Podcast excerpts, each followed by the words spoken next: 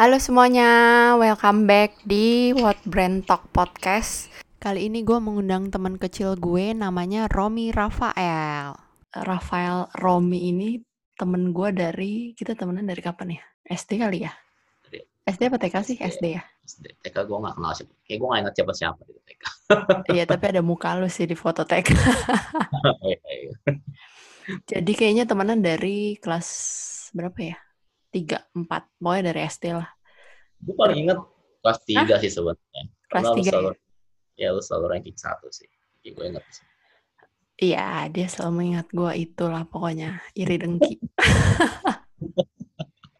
Iya. Terus udah gitu eh, rumah kita jalan kaki cuman kayak dua menit tinggal ngesot doang gitu. Jadi rumah berdekatan, SD juga dekat. Kalau dihitung-hitung kita tua banget juga ya. Udah berapa lama temenan ya?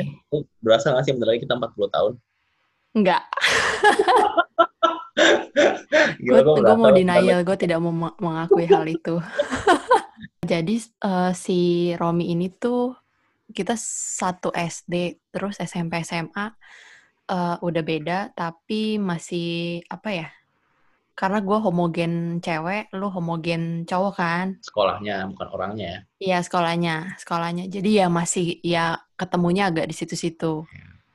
Terus pas kuliah baru dia pindah ke Bandung tuh. Hmm. Cuman nih kita masih temenan terus aja lah. Nanti mungkin bagian lika-liku pertem- pertemanan bisa di satu episode sendiri. Tentang mantan-mantan itu ya.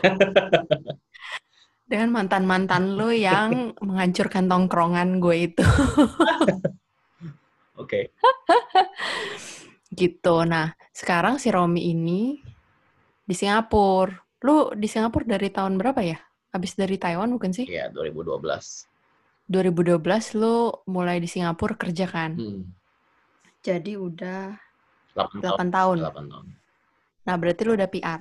Udah, PR udah. dari tahun kapan? PR udah dari 2018. I see, berarti 2 udah tahun.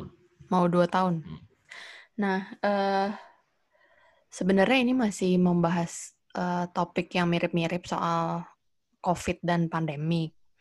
Jadi kita pengen tahu sebenarnya lu COVID di Singapura tuh gimana sekarang? Bukan sekarang sih, kemarin dari awal-awal eh, mulai ada COVID di Asia, kayaknya mungkin Singapura dulu kan, baru Indonesia. Nah itu gimana? Terus eh apa ya? Eh, di sana lockdown-nya parah nggak? Mulai kapan WFA gitu-gitu?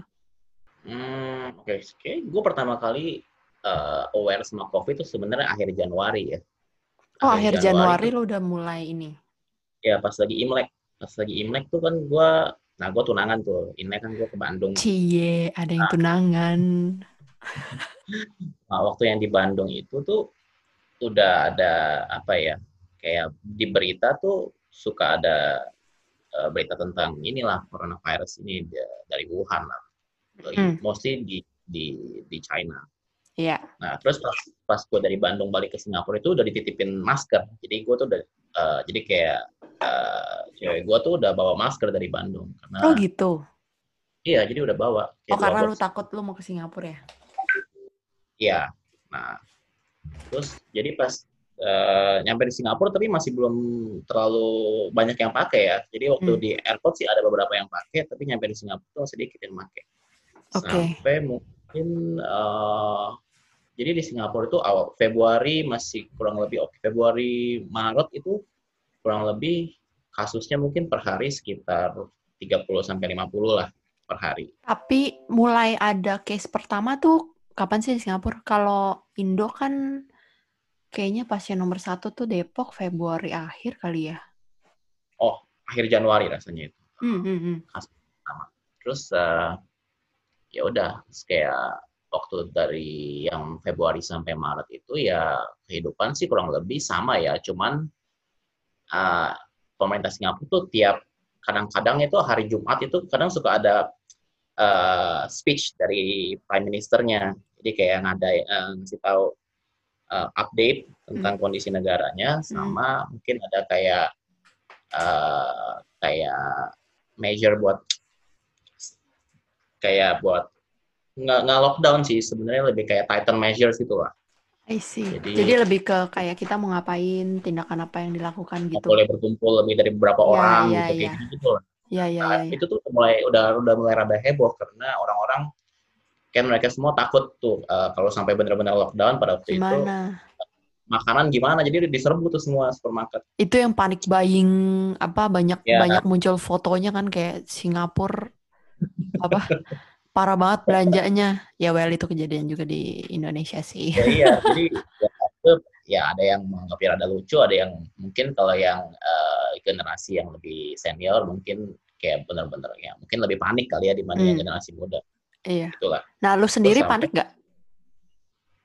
gue nggak gitu sih ya Biasa karena gue aja. percaya terus terang gue confidence gue sama Singapura termasuk tinggi sih menurut gue negara kayak Singapura tuh nggak mungkin eh, kalau sampai itu. pun lockdown ya kalau sampai pun lockdown gue yakin mereka punya logistik itu cukup Hmm, mereka tuh cukup apa ya cukup eh, cukup pasti mereka siap lah. ya siap hmm. Iya, iya, Jadi gue gua- gua- mengerti sih. Bisa aja. Terus mungkin lu emang dasarnya orangnya agak cuek juga kan? gue bingung karena gue nggak masak kan cek jadi kalau gue Iya. mau mau nimbun mau nimbun apa tinggal indomie doang sebenarnya masa gue makan indomie tiap hari kan nggak juga kan Iya Jadi sih.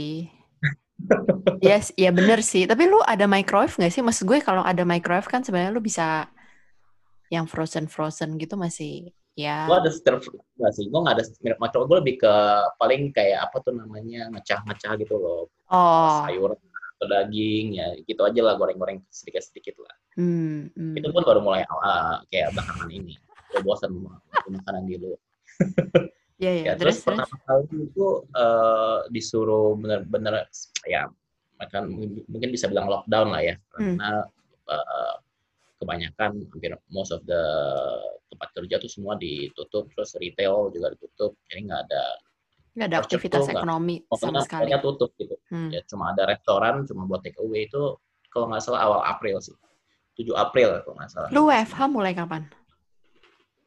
gua WFA itu awal April itu Oke, berarti awal April semua langsung dibatasi lah ya secara besar. Hmm. Iya. Oke, nah itu pas Sam- lu WFH, sen- kan seperti yang pernah gue bahas di episode sebelumnya, ada kadang-kadang orang yang kayak, iya gue WFH, akhirnya gue WFH. Nah kalau lu gimana? Atau kebanyakan orang Singapura ngerasa, wah enak nih gue kerja di rumah bisa lebih efektif, atau aduh gue nggak bisa ke kantor, eh, pasti lebih slow lah produktivitas. Kalau personally buat gue sih awalnya gue belum pernah kan karena gue belum pernah WFH sebelumnya kan. Jadi gue nggak tahu gue nggak bisa nge apa ya ngepredik kayak eh, seperti apa productivity gue pas lagi WFH ya. Hmm. Jadi kayak gue ya udah WFH WFH aja apa boleh buat karena emang harus kan. Mm-mm. Uh, terus kebetulan bulan pertama WFH itu kebetulan sama eh, bentrok sama ujian gue di di kampus. Jadi kan gue gua ambil part time degree juga kan. Hmm. Jadi rada-rada rajin, Romi. Romi ini rajin belajar terus pokoknya. Ini nggak ada pilihan. Uh, Terus? ya jadi rada hektik karena gue harus kayak bikin tugas-tugas akhir, uh, Hmm. belajar ujian Hmm, sama hmm. uh, Kerja juga. kerja. Hmm. Ya, rada hektik lah. Jadi kurang gue kurang produktif sih, uh, honestly awal-awal uh, pertama kali ya WFA dan gue bilang ke bos gue juga. Terus akhir-akhir tuh gue ngerasa setelah ujian beres ya, gue gue masih tetap merasa gimana ya? Kalau di rumah itu moodnya tuh nggak susah kerja. buat iya karena menurut gue kayak ya terus terang kecuali lu punya uh, proper tempat kerja yang enak ya meja dan kursi yang enak dan Hmm. kayak jadi mood lu bisa buat kerja tuh uh, ada gitu Hmm. kalau gue tuh nggak kebetulan kurang kurang kondusif ya jadi kayak datang dan pergi gitu lah mood kerja gue kalau pas lagi mood ya udah kayak mungkin dalam 2-3 jam kayak fokus aja gitu tapi kalau lagi nggak mood ya susah sampai sekarang pun begitu. Jadi mulai sekarang nah udah mulai balik lagi nih. Hmm. jadi semenjak awal bulan ini udah dibolehin lagi eh, balik ke Kantor. kantor. Hmm, Oke. biarpun sebagian besar masih milih buat tinggal di rumah kerja di rumah. Tapi itu pilihan si employee-nya bukan. Kan kan kalau di Jakarta kan memang ada beberapa tempat yang Oh ya udah berarti lu masuknya dalam seminggu selang-seling selang-seling. Jadi misalnya Selasa, Rabu, Jum Senin, Rabu, Jumat atau Selasa, Kamis gitu. Ada juga Hmm. yang misalnya seminggu masuk, seminggu libur, seming- seminggu masuk, seminggu libur. Tapi dijadwalinnya dari si perusahaan. Hmm, kalau di sini tuh suka-suka orang eh, pekerjanya Oh oke. ya, dari Jawa jadwal. Karena pemerintah sendiri me- menghimbau eh, sebisa mungkin kerja dari rumah sih. Oh karena memang dari pemerintahnya sebisa mungkin WFH ya. Himbau. Hmm, hmm, Ya. I Dan see. kalau lu pun lu harus masuk ke kantor itu eh, lumayan ketat ya. Maksudnya kayak ambil temperatur dua kali. Habis itu eh, tempat duduk itu masker. tetap lebih dari satu meter ya harus masker eh, all times. Terus eh, lu Oh. nggak, lu kan kalau di kantor misalnya lu nggak eh, biasa beli makan makan di restoran atau makan Hmm, di food court hmm. kan bisa kan. Iya. Sekarang mau boleh deliver eh, take away. Jadi lu balik bawa makanan balik, terus ya udah makan di kursi lu lagi gitu loh. Eh sih, tapi dikontrol nggak? Maksud gue eh, di sana tuh ada yang liatin satu gedung ini eh perusahaan apa aja yang masih aktif di dalamnya, ada karyawan bekerja, dikontrol sampai segitunya nggak? Iya, karena menurut gua kalau misalnya eh, mau resume activities ya, jadi kalau mau balik kerja gitu, balik eh, eh, perusahaannya jalan lagi tuh lu harus kayak eh, submit aplikasi gitu loh ke pemerintah gitu loh. Minta izin, Dan Ki- minta kind of izin. gitu. Nah, Ya, nah terus di Singapura tuh karena pandemi itu ada banyak eh, lowongan kerja buat jadi eh, inspektor gitu, jadi spot check gitu loh. Oh really? Jadi lu- iya, jadi Membuka banyak kesempatan baru ya, Iya. Jadi yang berhubungan sama COVID uh, COVID. Coronavirus itu ya Hmm. banyak-banyak lowongan baru sih yang kayak begitu-begitu ya. I see. eh ya sebenarnya sih setahu gue juga kalau di Jakarta dicek, cuman eh, kadang-kadang tuh ada juga yang gue dengar misalnya ad- eh, ada petugasnya lagi ngecek nih, itu yang di dalam yang yang tidak menerapkan WFH, ya udah mati-matiin lampu sembunyi sembunyi dulu biar kesannya kayak nggak ada orang. Tapi habis itu eh, petugasnya pergi ya udah balik lagi kerja kayak biasa gitu. Kayak razia VCD bajakan ya. Iya. Isi dibacakan zaman kapan? Pak, kelihatan dong umur kita nih. Orang-orang sana tuh ini gak sih ada isu yang kayak pas lockdown itu, aduh stres nih udah kelamaan di rumah. Maksudnya kayak mulai muncul banyak paranoid-paranoid baru nggak sih? At- Gua at- baru- kebanyakan teman-teman lu deh yang di Ya, di sana. tengah-tengah pas lagi lockdown itu banyak yang bilang tuh kayak uh, terutama yang punya anak ya, Hmm. yang susah karena anaknya pun nggak sekolah kan, dan lo harus entertain anak itu sekaligus lo kerja. Iya. Nah, jadi itu susah. Gue baru sadar sih kalau ya itu susah buat orang yang yang yang udah berkeluarga punya anak. Iya, gue juga saat- itu baru lihat. Karena homeschooling kan jatuhnya. Iya.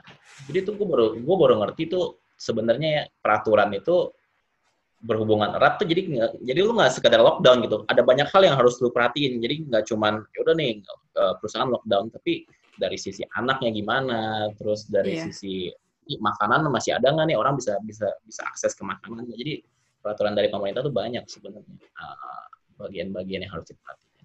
Iya bener. Kemarin tuh kalau misalnya yang bagian orang tua menjaga anaknya itu, gue yang nggak kebayang tuh kalau misalnya lo anaknya cuma satu, terus kerjaan lo bukan kerja kantoran yang eh, kan eh, kalau misalnya perusahaan menerapkan WFH, otomatis pasti ada tools yang diterapkan supaya karyawannya ketahuan beneran kerja dari jam 9 sampai jam 6, let's say. Pakai aplikasi Hmm. atau apalah. Hmm. Kalau yang kayak gitu kan, eh dan pasti weekly meeting yang virtual lebih sering dong, karena biasa bos-bos jadi khawatir kan nih karyawan gue kerja nggak ya gitu dalam tanda kutip. Nah itu gue nggak kebayang sih misalnya lu WFH, terus lu mesti yang kayak clock in clock out, terus misalnya let's say tiap hari ada weekly meeting, terus anak lu juga mulai start online learning sekolah gitu. Kan lu mesti temenin berarti kan kalau dia virtual. Lu bayangin jadi kalau misalnya anak dia dia punya anak tiga ya, jadi tiga-tiganya udah harus punya laptop. Iya makanya gue juga kebayang gitu. itu kayak rempong banget. Maksud gue, iya kan nggak semua nggak semua keluarga punya laptop satu orang satu kan, atau punya PC satu orang satu gitu. Iya. Sementara kalau kayak sekolah jam kerja kan biasa startnya more or less mirip-mirip kan, jam 8 jam 9 Hmm. misalnya gitu. Itu kayak semua barengan terus harus dikontrol kan kalau anak virtual kayak gitu. Jadi di Singapura ada beberapa yang uh, pemerintah juga ngasih bantuan kayak pinjemin laptop sih. Tapi Gitu. gue nggak yakin. Gue nggak tahu sih sampai benar-benar semuanya dapat itu laptop atau enggak gitu. Gue yakin pasti ada lah yang misal. Nah, terus em, lu pas pas biasa kan kalau kayak ya lu bukan tipe yang sering banget pulang sih, gue tahu. Cuman gimana? Maksudnya lu bukan tipe yang homesick kan gitu loh. eh apa rasa lu khawatir nggak dengan orang-orang rumah lu di Indo gitu? Maksud gue kan pasti kalau misalnya yang lu sekeluarga nih kayak gue, suami gue, terus emak gue kan satu rumah nih, gue sama emak gue lah ya. eh ya kita bareng-bareng gitu serumah. Kalau lu kan kayak peran anak rantau gitu ibaratnya di Singapura. Nah itu Hmm. lu tetap cuek biasa aja. Atau lu masih kayak lah emang iya kan. Tapi maksud gue lu kayak eh, lebih lebih concern nggak misalnya sering nelfonin mak lu lah kan adik lu juga berpencar kan. Hmm. Itu gimana? Apakah jadi lebih sering nelfon yang kayak gitu-gitu? Hmm, kalau frekuensi telepon sih kurang lebih sama ya, tapi mungkin lebih eh, waktu awal-awal sih sebenarnya waktu gua tahu di Singapura ada ada udah mulai eh, sedikit panik lah. Hmm. Eh, jadi gua kayak ngomongnya udah mulai kayak kalau ada masker ya beli masker atau hand sanitizer Hmm. karena gua tahu ini pasti harganya naik kan. Iya. Parah loh sempat habis kan. Boro Iya. harganya naik. Gue yakin banyak orang dari dari negara-negara tetangga seperti Singapura itu pasti banyak beli di Indonesia juga gue yakin karena gue karena gue juga begitu Oh gitu. pasti jadi kayak misalnya teman lu ada yang di, lagi di Singapura ya. Temen lu lagi travel nih ke ke Jogja dari Singapura. Pasti bilang eh nitip dong kalau ada masker gue beli ini dua atau tiga. Berapa yang lu bisa ambil deh lu beli deh kayak gitu. Pasti banyak yang kayak begitu. Jadi karena itu juga pasti selain konsumsi domestik ya pasti dari internasional dari Singapura Malaysia mungkin ada juga yang beli. I see. jadi gue bilang ke, ke orang tua gue ya sebisa mungkin kalau ada ya beli aja dulu. Hmm. hmm. iya itulah. Jadi kayak concern gue lebih ke itu terus gue bilang kalau keluar keluar hati-hati sebisa mungkin jangan keluar Eh, Iya, iya. kalau sebisa mungkin beli online gitu gitulah Terus eh sebenarnya sih kalau misalnya yang kayak hand sanitizer gitu-gitu kalau di Singapura pasti nggak ada kekurangan lah ya. Gue nggak tahu sih pas awal-awal memang awal kekurangan sih Cil. awal-awal karena kan awal itu kekurangan. shock ya. Yang panik buying Tiba-tiba- itu. iya jadi kayak masker pun awal-awal kan nggak ada kan sama sekali jadi eh, dan itu tuh baru mungkin selang dua dua minggu satu bulan baru tiba-tiba eh, mulai Stabil. tuh masker itu masker kain Oh, Jadi sebelum iya, itu kan iya.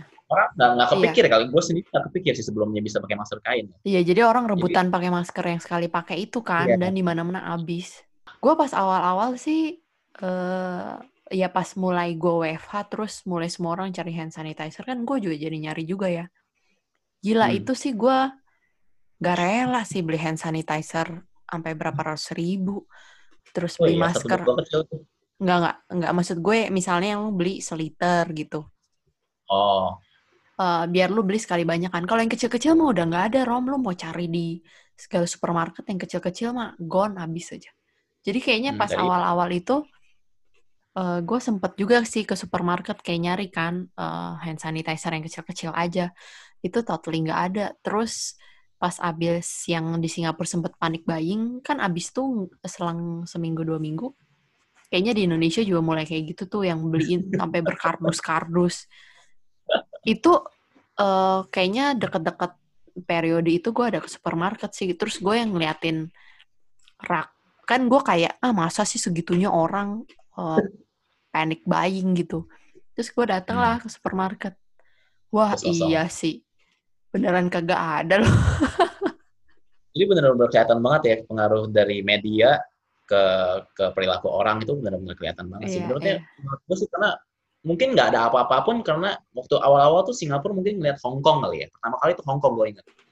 Hong Kong tuh parah banget eh, yang panic buying pertama tuh Hong Kong, terus Singapura ngeliat-ngeliat itu mungkin karena ngelihat kasusnya makin lama makin banyak, jadi orang makin lama makin gimana ya nonton Ori. kayak begitu setiap hari makin lama makin khawatir dia setiap hari stock up terus ngomong ke tetangga kan tetangga Iya, pada iya, nanyain ngapain lama-lama jadi semua iya. padahal nggak ada apa-apa juga sih sebenarnya Padahal mungkin nggak perlu panik buying segitunya. Maksudnya lu Ya. kalau nyetok makanan lebih banyak sedikit nggak apa-apa. Tapi maksudnya nggak juga sampai lu beli berkardus-kardus gitu loh. iya Itu sih yang dan, dan yang menurut gua rada lucu sih kalau misalnya pada waktu itu orang panik buying pun besok besokannya ya nggak dimasak juga itu makanan yang di- dibeli gitu mereka masih beli pergi ke restoran menurut gua jadi kayak percuma ngapain lu panik buying kalau misalnya lu udah akal. beli ya lu masak gitu kan. iya Iya sih, iya sih. Gue kemarin, gue soalnya eh, sempet ngerasain itu juga. Jadi pas awal banget, gue ke supermarket itu gue sama nyokap gue ya. Hmm. Ngelihat apa semua belinya bisa tiga kaleng, empat kaleng, tiga kaleng, empat kaleng gitu. Bener-bener yang kayak eh, semua dibeli pokoknya. Oh iya ada makanan ringan nanti kalau misalnya nggak bisa beli makanan ini lagi bisa makan ini. kayak Semua apa- ya. Kayak sarden-sarden gitu dibeliin kan. Terus Hmm. begitu udah nyampe rumah, hmm, kita perutnya nggak bisa melahap ini sekali habis atau dua kali habis juga sih ya, gitu. Baru Iya. kayak logiknya, oh iya benar, kenapa tadi beli sebanyak ini deh gitu. Iya benar Iya, sih, terus kayak- pengaruh sih. kayak di Singapura tuh sampai sampai salah menteri ada salah satu menteri itu bilang ya mau se- sebagaimana sebagaimana bagus pun kita selalu isi ulang itu supermarket kalau semua orang beli kayak begitu nggak bakal cukup gitu loh stoknya yang ada Hmm. Karena orang belinya nggak make sense dalam quantity yang nggak make sense kan. sampai harus di limit nah itu menurut gue bagus sih sampai Iya. akhirnya mereka ngelimit setiap orang belinya boleh berapa Iya, itu juga di Indonesia baru eh setelah panic buying terus stok habis di mana-mana segala macam baru oh ya di limit hand sanitizer cuma boleh dua misalnya maksimal yang kayak Iya. gitu-gitu. Lu berencana merit nih. Tadi udah kesebut tuh tunangan kan Sincia kemarin. Nah, Hmm, kalau hmm. lu proses prosesnya gimana kan? Pasti dari tunangan di Januari akhir ya berarti. Sincia kapan sih Januari akhir ya? Hmm, Januari Januari akhir akhir. sampai Juli kan sebenarnya harusnya untuk persiapan merit itu lagi lumayan hektik tuh. ya akhirnya nggak bisa lah Nah, maksud gue decision kan lu pasti ada omongan dong begitu begitu mulai panik buying apa segala macam. Eh gimana nih kawinan kita dan segala macam itu decision eh ya udah deh kita tunda itu kapan? Terus eh pasti kan lu mesti banyak banyak pihak yang lu mesti apa ya negotiate lah. Eh ini gimana? Kita kayaknya nggak mungkin deh di bulan Juli misalnya. Hmm, mungkin sekitar bulan Maret udah ketahuan kali ya kayak wah ini kayaknya biarpun kita masih oh ya lihat nanti lah tapi gue udah ada pikiran kayaknya nggak nggak mungkin secepat itu beres sih ini ini pandemi ya jadi gue Hmm. udah mulai kepikir buat gue jadi gue ada gue sebenarnya gue ada kontak eh, ke WL gue eh gimana nih udah ada di Indo udah gimana karena gue nggak tahu kalau itu situasi di Indo tuh kayak gimana mungkin pertengahan Iya, Maret iya. kan Hmm, hmm. mereka masih lanjut dan ya udah jadi pada waktu itu gue mungkin oh ya udah lihat nanti gimana Eh, sampai yang sebenarnya rada eh, buat kita buat gue rada mus musingin itu yang karena kan gue Katolik ya jadi kita Katolik jadi Hmm. harus kursus pernikahan nah Oh iya, Tadinya itu lu di sana apa di sini sih? gue sampai sekarang belum jadi Oh really? Gila ya lu. jadi kursus pernikahan kan tadinya gue tuh rencana kalau nggak salah bulan Februari apa Maret ya Februari atau Maret gue lupa Eh, Iya, di harus Bandung beres. Ya, jadi tadinya itu gue pertama kali ngambil di Singapura. Nah, Singapura udah nggak ada tuh karena COVID. Gue langsung ambil yang di Bandung. Nah, di Bandung juga batal tuh karena COVID. jadi sampai sekarang belum belum belum ada kursus pernikahan, belum belum benar-benar uh, fix. Biarpun masih kontak-kontak yang di Indo juga. Jadi sekarang tuh udah mulai uh, muncul tuh yang online. Iya, iya. Pasti banyak di- sih mungkin yang Iya. muncul online. Kalau yang di Singapura yang online tuh sampai quarter ketiga, mungkin quarter empat mungkin udah penuh kali ya. ya begitulah. Jadi kalau Iya, iya. uh, untuk pernikahan gereja sampai sekarang masih belum fix. Jadi kayak Oke. ya sama sama cewek gue ya udah ambil sebisa mungkin ya mana ada lowongan buat kursus pernikahan ya ambil aja udah kapan. Hmm. hmm. Yang bulan ya, bulan depan ini gue bakal cuma catatan sipil. Di Singapura. Catatan sipil udah udah boleh ya. Oh, udah buka berarti di bulan Udah depan. buka. Biarpun mereka juga buka yang online. I see. Dan sipil bisa online sekarang. Berarti sekarang uh, lu catatan sipil dulu di Singapura, Hmm. terus yang resepsi dan gereja di Jakartanya menunggu kapan COVID kelar. Atau lu Bisa udah jadi. ada kira-kira Oktober, November, Desember gitu. Bisa jadi juga gue nggak resepsi sih. Oh, oh sama sekali. Ya, jadi siapa tahu juga ada kemungkinan bahwa mungkin gue gereja di bahkan gereja pun di Singapura gitu. Dan gue nggak tahu orang tua gue bisa datang atau orang tua gue juga nggak tahu. Karena sebenarnya bukan karena Ah, so ini. bisa atau nggak bisa ya. Karena menurut Hmm. gue sekarang pun kalau mau datang bisa. Cuman menurut gue Aman gak aman aja. ada riski sih, ada ya Iya. resikonya. Gue nggak mau karena acara gue terus jadi orang lain atau orang tua gue lebih parah lagi. Iya. Kena Kena gitu atau kan. apa. Kan merasa bersalah ujung-ujungnya. Ya tapi maksud gue kalau resepsi dan ya ya mis nggak tau lu lu ada gue nggak tau sih dari sisi gue tadi denger kayak gitu aja gue udah kayak hah? Masa sih? Gitu. Maksud gue gereja terus nggak ada nggak ada keluarga terdekat tuh agak sedih juga ya itu sih yang lebih yang lebih parah sih mungkin menurut gue yang lebih lebih lebih berat sih mungkin itu. Karena resepsi menurut gue nggak terlalu ya resepsi mah ada nggak ada sih terserah lah. Iya. cuman lu Itu tuh. kalau resepsi sih cuman kayak aduh gue udah booking venue DP-nya gimana nih? gitu kan.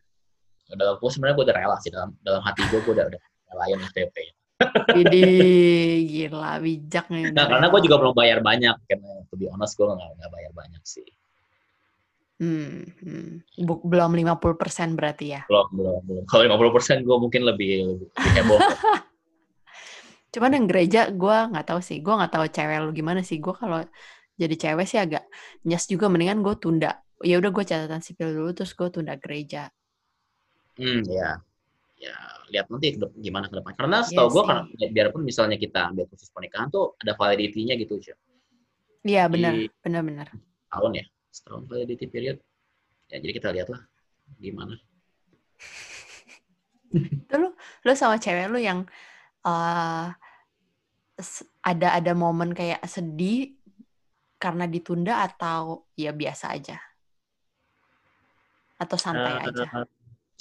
Lu tau gue lah ya Iya, kalau iya, gue iya. lebih ke udah nih kalau ini kalau misalnya ini satu jalan buntu ya udah cari jalan lain kayak gitulah Iya, iya, kalau iya. gue Romi ini kurang. orangnya logik sekali. enggak lah belakangan Saking gua- gua logiknya, kebanyakan yang ada di otaknya.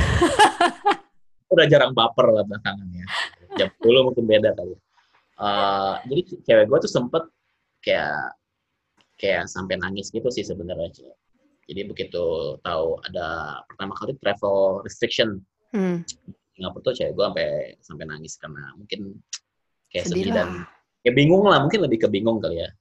Ya Iya, ini sih. mesti gimana? kayak gitu ya. Soalnya kan Ada. biasanya kalau kalau lu eh, lagi mempersiapkan pernikahan kan sebenarnya tanpa pandemik aja tuh eh, hubungan kalian heboh ya.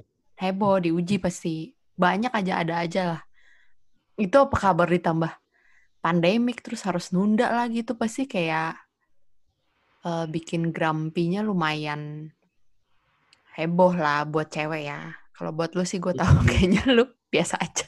Tapi justru kalau misalnya menurut gue karena pandemik ini ya jadi keluarga lu lebih ke eh, lebih pengertian nih. Jadi kayak keputusan Iya. apa pun yang oh, mungkin lebih oh ya emang mau gimana lagi? gitu loh. Karena emang kondisinya kayak begini gitu loh. Jadi nggak nggak terlalu mungkin kadang-kadang kalau lagi keadaan normal kayak masing-masing keluarga bakal punya tuntutan mungkin ya Iya, kalau iya. lebih mintaan lah begini begitu ya Iya. tapi karena ada pandemik ini mungkin mereka ya lebih udah deh ya udah deh gitu ya. Ya ya karena Iya, lu iya. terakhir abis pusing sama mak kan. Ya karena masalah venue sama eh ya itulah. Undangan. Tempat undangan ya tempat undangan.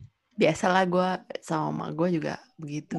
Itu selalu hal-hal yang pasti diributkan. Yang undangan punya orang tua lebih banyak daripada yang nikah ya. Iya terus nih paling mm, kan kemarin pas pas gue sempat bikin podcast ini terus gue bilang eh ya lu kapan-kapan diundang ya ngobrol gitu. Lu sempat bilang bahas eh, soal covid ini yang orang orang karena di rumah aja dan nggak punya kerjaan tuh makin aneh-aneh yang dibikin ya memang memang orang jadi lebih kreatif. Ada yang kreatifnya berfaedah, ada yang makin gak jelas gitu loh. Jadi nggak ada nggak ada kualitasnya. Nah, coba hmm. diceritakan pandangan lu terhadap itu. gue sebenarnya itu ya mungkin di uh, pas lagi masa pandemi jadi lebih lebih lebih banyak kali ya gue melihatnya. Screen time-nya lebih banyak ya? Iya, sebelum itu pun gue udah mulai kayak berasa nggak tau gue karena karena gue tuh suka mantau uh, berita-berita Indo gitu. Tiap hari gue hmm. buka uh, website uh, berita kan. Jadi gue ngeliat lah gimana situasinya dari mulai politik sampai masyarakatnya gimana. Dan gue ngerasa kayak makin lama makin makin berantakan ya. Kayak gue nggak berantakan ngerasa, tuh gimana? Jadi kayak gue jujur lebih pas baca-baca berita entertainment ya kayak artis-artis gitu yang yang bikin YouTube yang menurut gue YouTube kontennya tuh kayak nggak nggak tahu apa gitu yang mereka cari ya. Menurut gue sih lebih karena uang aja sih karena mereka pengen dapat subscriber dan mereka pengen yeah, cari uang. Sense. dan itu bener-bener murni itu menurut gue karena sama sekali nggak ada isinya sih kayak kayak ngeprank orang. Dan itu ngeprank itu nggak sekali dua kali itu tiap kali kontennya isinya ngeprank beda-beda orang dan yang di prank bakal ngebales gitu di ujung-ujungnya lu ngeliat 100 konten 100 kontennya ngeprank semua gitu loh dan iya, iya, iya. dan prank-pranknya tuh banyak yang berhubungan dengan ya, hal-hal yang material materialistis yeah, sih yeah. gua dan menurut gua nggak pantas sih itu sama sekali nggak pantas oke okay. uh, eh, ya. tapi lu rajin juga ya masih memantau yang kayak gitu maksud gua gue sebagai yang uh, ada di Indonesia gitu Hmm. Gue tahu, gue tahu memang kadang-kadang uh, konten yang ada di sosial media itu tidak berfaedah. Maksudnya mungkin buat orang lain berfaedah, tapi at least buat gue tidak berfaedah gitu, gue udah pasti ah udahlah gue gak nonton bye daripada hmm. gue. Maksudnya kadang-kadang ada gue gue sempet mm, beberapa waktu belakangan ini sejak pandemik tuh uh, ada beberapa konten yang ternyata itu viral yang menurut gue kayak hah apa sih? gitu. Harus banget nih viral. Kayak yang kayak gitu. Tapi ya, orang gue gue gak nonton, nonton. sih sebenarnya gue gak nonton. Gue gak nonton. Jadi gue lebih oke okay, gue gue baca kompas sebenarnya. Nah oh. di kompas tuh ada ada ada judul yang kayak yang kayak begitu begitulah yang kayak oh lu uh, memantau dari prank. situ ya? Jadi gue dari situ. Jadi gue makin lama makin banyak nih berita kayak gini ada apa sebenarnya? Kayak kayak pam, kayak artis ini beli tas harga begini maksud apa ya? Kayak kondisi negara lu tuh nggak nggak nggak segitu bagus sih lu mau yang nggak pantas lah menurut gua. Dan lu jadi kayak terus terang itu bakal ngaruh ke generasi generasi berikutnya Lanjutnya. sih iya. Oh lu udah itu, berpikirnya sampai ke sana ya? Iya karena gua ngelihat gimana ya kenapa terinfiltrasi. makin lama di Indo tuh makin lama makin ya lu lihat lah dari kayak misalnya kayak zaman sekarang makin lama tuh orang kayak makin seenaknya gitu berasa nggak sih ya lu jalan lu nyetir mobil aja terus lu ngeliat yeah, orang yeah. motor-motor semua pada kayak ngelawan arah kan iya iya yeah, yeah. dari hal-hal yang simple itu Jadi tuh ya besar. ya lama-lama berkembang jadi kayak kalau setiap hari lu dicekokin dengan tontonan material yang kayak begitu jadi di kepala lu tuh lebih yeah, kayak yeah. uang aja gitu di pikiran jadi lu pengen nyombong ke orang dengan uang yang lu punya dan semua orang bakal kayak begitu bagaimanapun caranya gitu. Iya. Jadi nanti tugas kita sebagai orang tua mendidik anak dengan moral yang benar ya, Rom. Iya nggak? Maksud gue at least yang bisa lu protek kan generasi penerus lu lah. Iya. Menurut gue penting banget. Menurut gue penting banget kayak lu mendidik anak itu menurut gue tanggung jawab yang gede sih menurut. Iya iya. Terus, nah uh, berarti Singapura tuh udah mulai ini normal awal Juni ya? Hmm, mereka As bilang sih, jadi kayak mereka tuh ngomongnya kemarin tuh uh, termnya tuh circuit breaker. Jadi kalau misalnya dari menteri itu bilang, jadi kayak rumah lu konslet nih ya, hmm. circuit lu bakal ngebreak gitu, jadi bakal mati lampu. Nah itu mereka ngomongnya circuit breaker. Jadi uh, officially mereka oh. tuh berakhir awal bulan ini. Nah tapi uh, buat balik ke tahap berikutnya pun ada ada fase-fasenya gitu. Jadi mereka bilang sekarang ini phase one. Jadi habis oh, phase 1, mereka bakal ada transisinya. Review, ya, beberapa minggu phase 2 gitu loh. Jadi kalau sekarang tuh sebenarnya masih mirip-mirip sih sama yang kemarin. Karena restoran semua masih nggak boleh makan di tempat. Tapi, Tapi retail udah buka belum? belum belum belum pada buka. Jadi kalau lo ke Orchard tuh sedikit Kosong. yang buka. Ah, don kalau lo tahu toko Don Don Don Donki Hmm, yang ada dari Jepang itu ya itu udah itu itu buka sih. Bahkan selama masa kemarin lockdown pun dia masih buka. buka. Jadi kurang lebih masih sama aja sih sebenarnya menurut gua. Tapi I oh ya see. kantor boleh masuk. Kantor udah boleh. Kantor udah boleh mulai. masuk. Emang terus terang ya Pak, kayak apa yang gua research ya, ya tentang Hmm. ini ya mediumnya emang harus ketemu sama makhluk hidup. Jadi kayak misalnya virus ini kena di benda mati itu eh, umurnya nggak panjang gitu lah. Oh, I see. Tapi Ya, ada yang bilang juga dia bisa nempel di baju sampai seminggu kan? 5-6 hari. Ya, ya, ya mungkin ada ya yang kayak begitu. Iya, iya. Ya. Kita nggak sampai yang kayak gitu juga. Cuman yang penting nggak tahu sih gue jadi oh ya gue mesti makan vitamin lebih banyak, jaga imun, jangan sampai sakit gitu. Mm-mm. Paling gitu-gitu. Terus eh, kalau di Indo tuh new normal ya sama sih sebenarnya kayak Singapura kayak dia ada eh, phase 1, phase 2 gitu-gitu. Ada masa transisi lah. Yang kemarin Hmm. PSBB sempat dimundur-mundurin. Cuman eh kemarin gue denger juga ada orang yang kayak iya nih kita lagi siapin hmm, eh, kita lagi di P1 kalau misalnya dievaluasi bagus nanti dilonggarin lagi kayak kayak gitu kan. Hmm. Hmm. Cuman katanya eh, begitu PSBB dilonggarin aja case eh, new case banyak banget di Indo. Hmm, ya, Jadi- gue lihat sih kayak seribuan kan belakangan. Iya, seribuan belakangan. Terus begitu mall dibuka, orang berbondong-bondong udah kayak nggak pernah ngeliat mall berapa tahun gitu.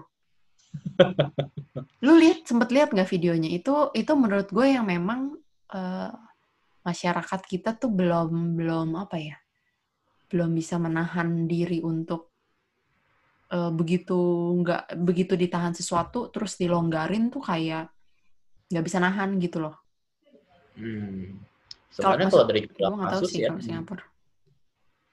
Singapura sih karena sampai sekarang mall- mall belum buka ya, tapi ya keli- udah mulai kelihatan banyak orang sih kayak gua ke daerah-daerah shopping center udah mulai udah mulai kelihatan lah. Tapi ya kayak apa ya, gua nggak mungkin gua nggak expect kayak bakal sama kayak di Indo sampai ngantri segitu banyaknya sih ya. Jadi biarpun ngantri kayak sekarang tuh mungkin setiap akhir minggu suka ada eh, antrian buat masuk ke mall karena masuk pun lo harus check in gitu Iya, iya. elektronikal itu check in kan. Nah itu antrinya pun harus ada yang ngatur, ya. Jadi nggak boleh kayak kayak waktu itu gue baca tuh yang di Sarina ya penutupan Sarina tuh parah banget sih menurut gue. Iya. Menurut gue itu rada nggak masuk akal sih. Dan kayak jumlah kasus yang lu lihat hari ini tuh sebenarnya mengindikasikan orang itu kena mungkin seminggu yang lalu gitu. Jadi kayak lu longgarin sekarang terus tiba-tiba kena seribu tuh sebenarnya bukan karena longgarin, Oh, tapi karena yang lalu nih orang udah kena gitu loh. Sekarang baru ketahuan. Jadi nggak secepat itu gitu loh. Jadi, efek lockdown itu ada lag time-nya. Ada delay time-nya ya. Iya, karena orang tuh nggak langsung kena langsung langsung langsung ketahuan kan. Iya sih benar sih. Jadi kayak eh kayaknya sih minggu ini kalau di Jakarta tuh mall udah mulai buka. Gue udah Hmm. bilang kayak gue sih nggak mau ke mall dulu, biarin aja orang-orang eh berbondong-bondong ke mall. Gue tunggu sampai eh, sepian lagi aja deh. Maksudnya gue nggak ada pentingnya juga ke mall misalnya perlu ngapain gitu loh daripada beli, Starbucks dong. sekarang kopi udah bisa di rumah dong, mohon maaf. Gue penasaran deh kalau Hmm. kayak kayak di Singapura gini kan gue ngerasa uh, kondisinya makin makin bagus Uh, dan kayak mau kayak kelihatan gitu kayak yang lu di terowongan tuh udah kelihatan nih ujungnya kayak gimana kurang lebih ya. Kalau di Hmm. Indonesia tuh gimana sih? Kalau lu sebagai personal?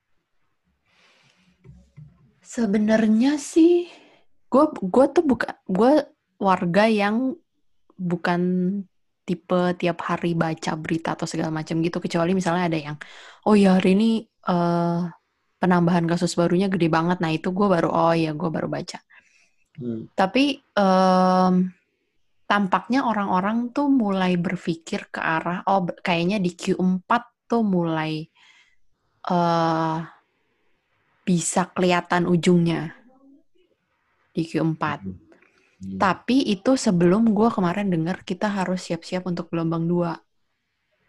Hmm. Begitu gue dengar gelombang 2, itu kayak ujung yang tadinya gue pikir, oh ya mungkin di end of Q4 tuh jadi kayak mulai burem lagi nih.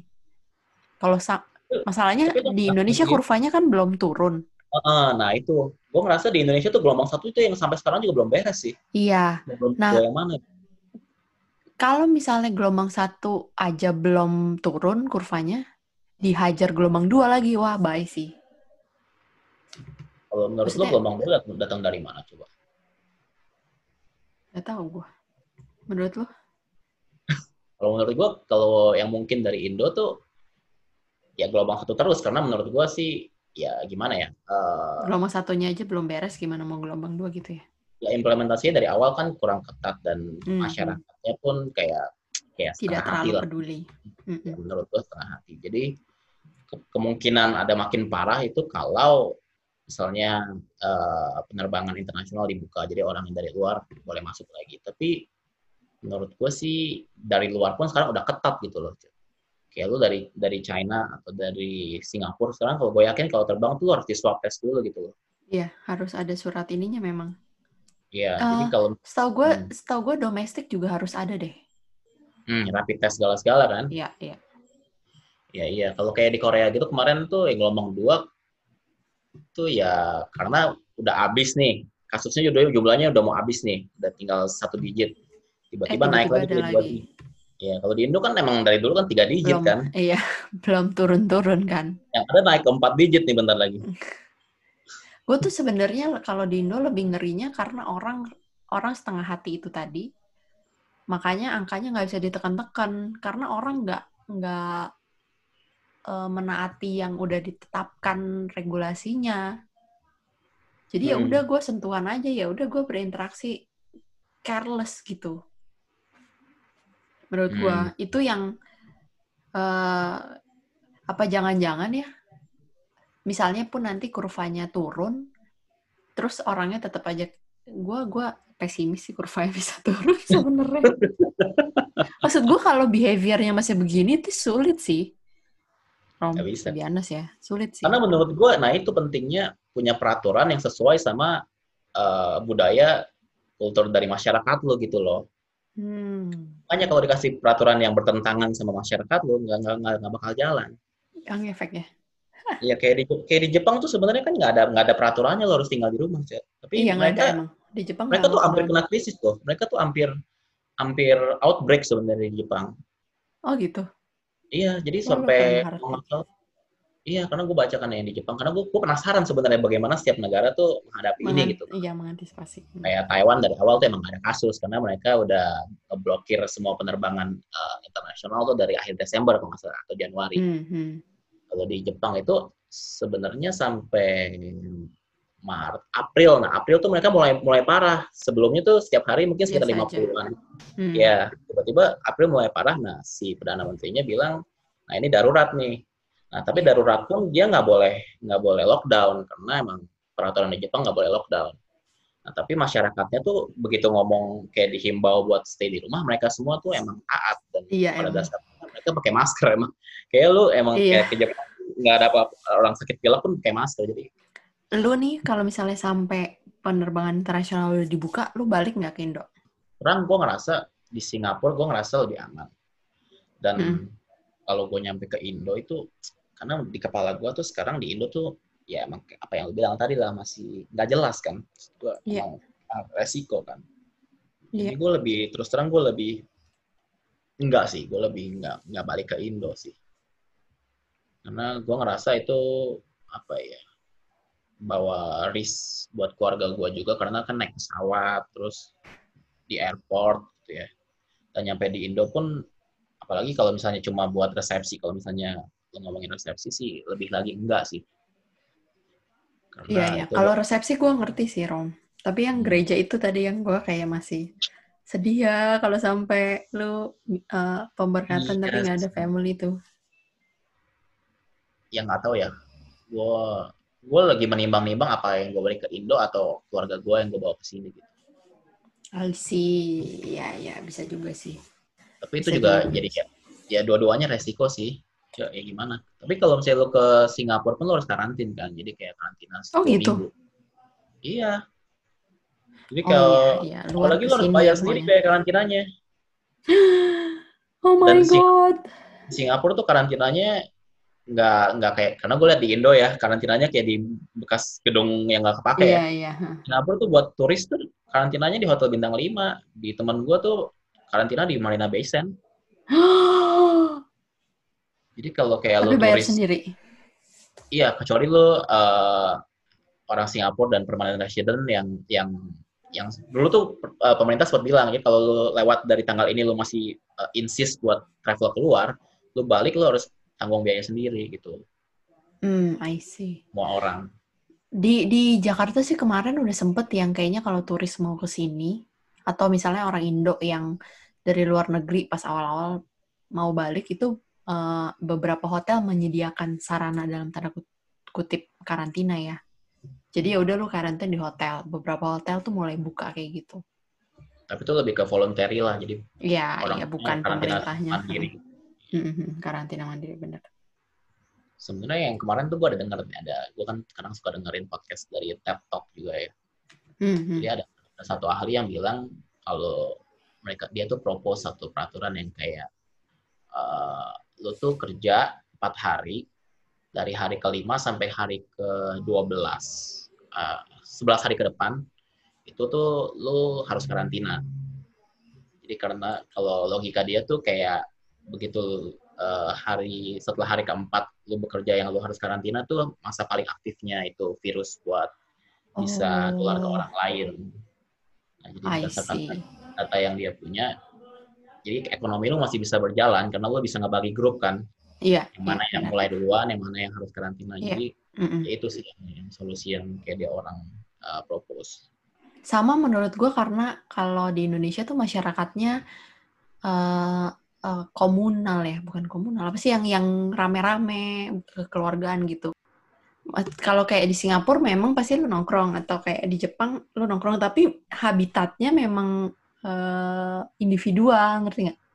Hmm. Apa-apa kalau gue harus karantina sendiri gitu, mandiri individual gitu. Kalau di Indonesia kan, wah gue harus sama keluarga, oh iya harus ngumpul rame-rame gitu Hmm, kalau di, itu menurut gue hmm, lumayan ada pengaruhnya sih.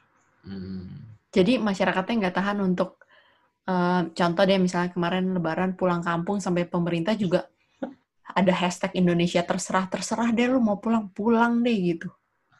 karena udah Karena udah, Udah ditetapkan nggak boleh pulang kampung, udah ditetapkan juga malah marah-marah gitu. Maksudnya ya udah serah lu deh sakarepmu gitu.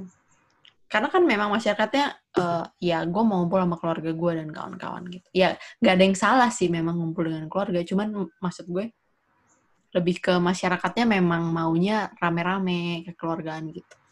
emang kurang mungkin ya itu pendidikan menurut gue penting sih. Ya kayak di India tuh juga gue karena di India tuh total lockdown sih mereka. Dan yang, Iya, yang hebatnya iya. orang-orang kayak gitu kayak di Indonesia gue lihat ada orang jalan kaki kan dari Jakarta sampai ke kampungnya. Iya. Jadi ya gimana kayak gitu kan nggak bisa dilarang ya. Iya pemerintah juga dah terserah lu lah, bohwat lah gitu. Iya ya begitu.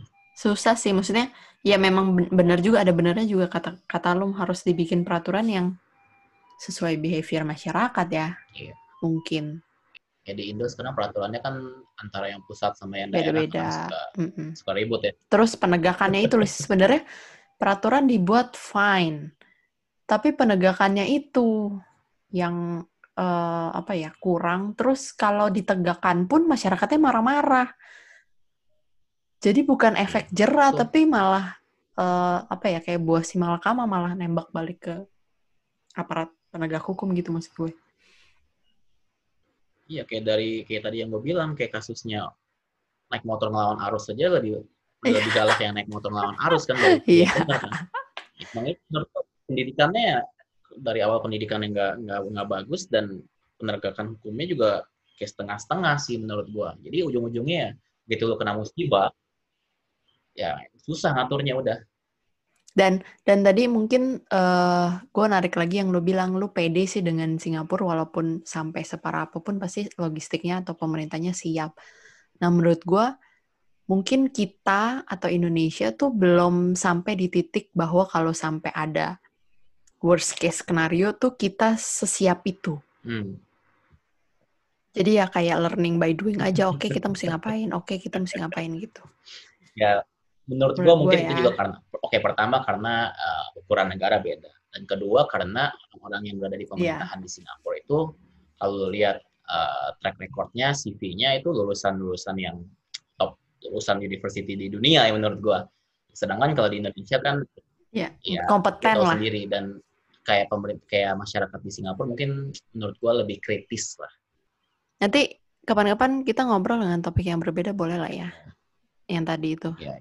Soalnya menarik menurut gue maksud gue yang pertemanan lawan jenis yang menghancurkan tongkrongan. Menghancurkan tongkrongan tuh maksudnya apa? Gue gue aja nggak. Nggak, nggak, nggak, nggak, nggak. Uh, lika-liku pertemanan lawan jenis lah. Oh. Maksudnya menurut gue nggak banyak nggak banyak yang bisa temenan lama lawan jenis loh. Iya gimana ya? Emang ya emang kita emang teman baik dari kecil sih dan itu menurut gue menolong dan ya nggak tahu ya kayak pertemanan maksud gue apa karena ada kadang-kadang suka ada romans ya ada Iya. Ya, juga nggak tahu ya, kalau gitu, kalau gue pernah ada naksir sama lo, lo juga nggak tahu kan, karena gue nggak pernah bilang. Tapi itu Ya kalau misalnya gue tiba-tiba pernah naksir sama lo juga gue nggak pernah bilang. Nah itu episode berikutnya. episode berikutnya besok-besok aja ya.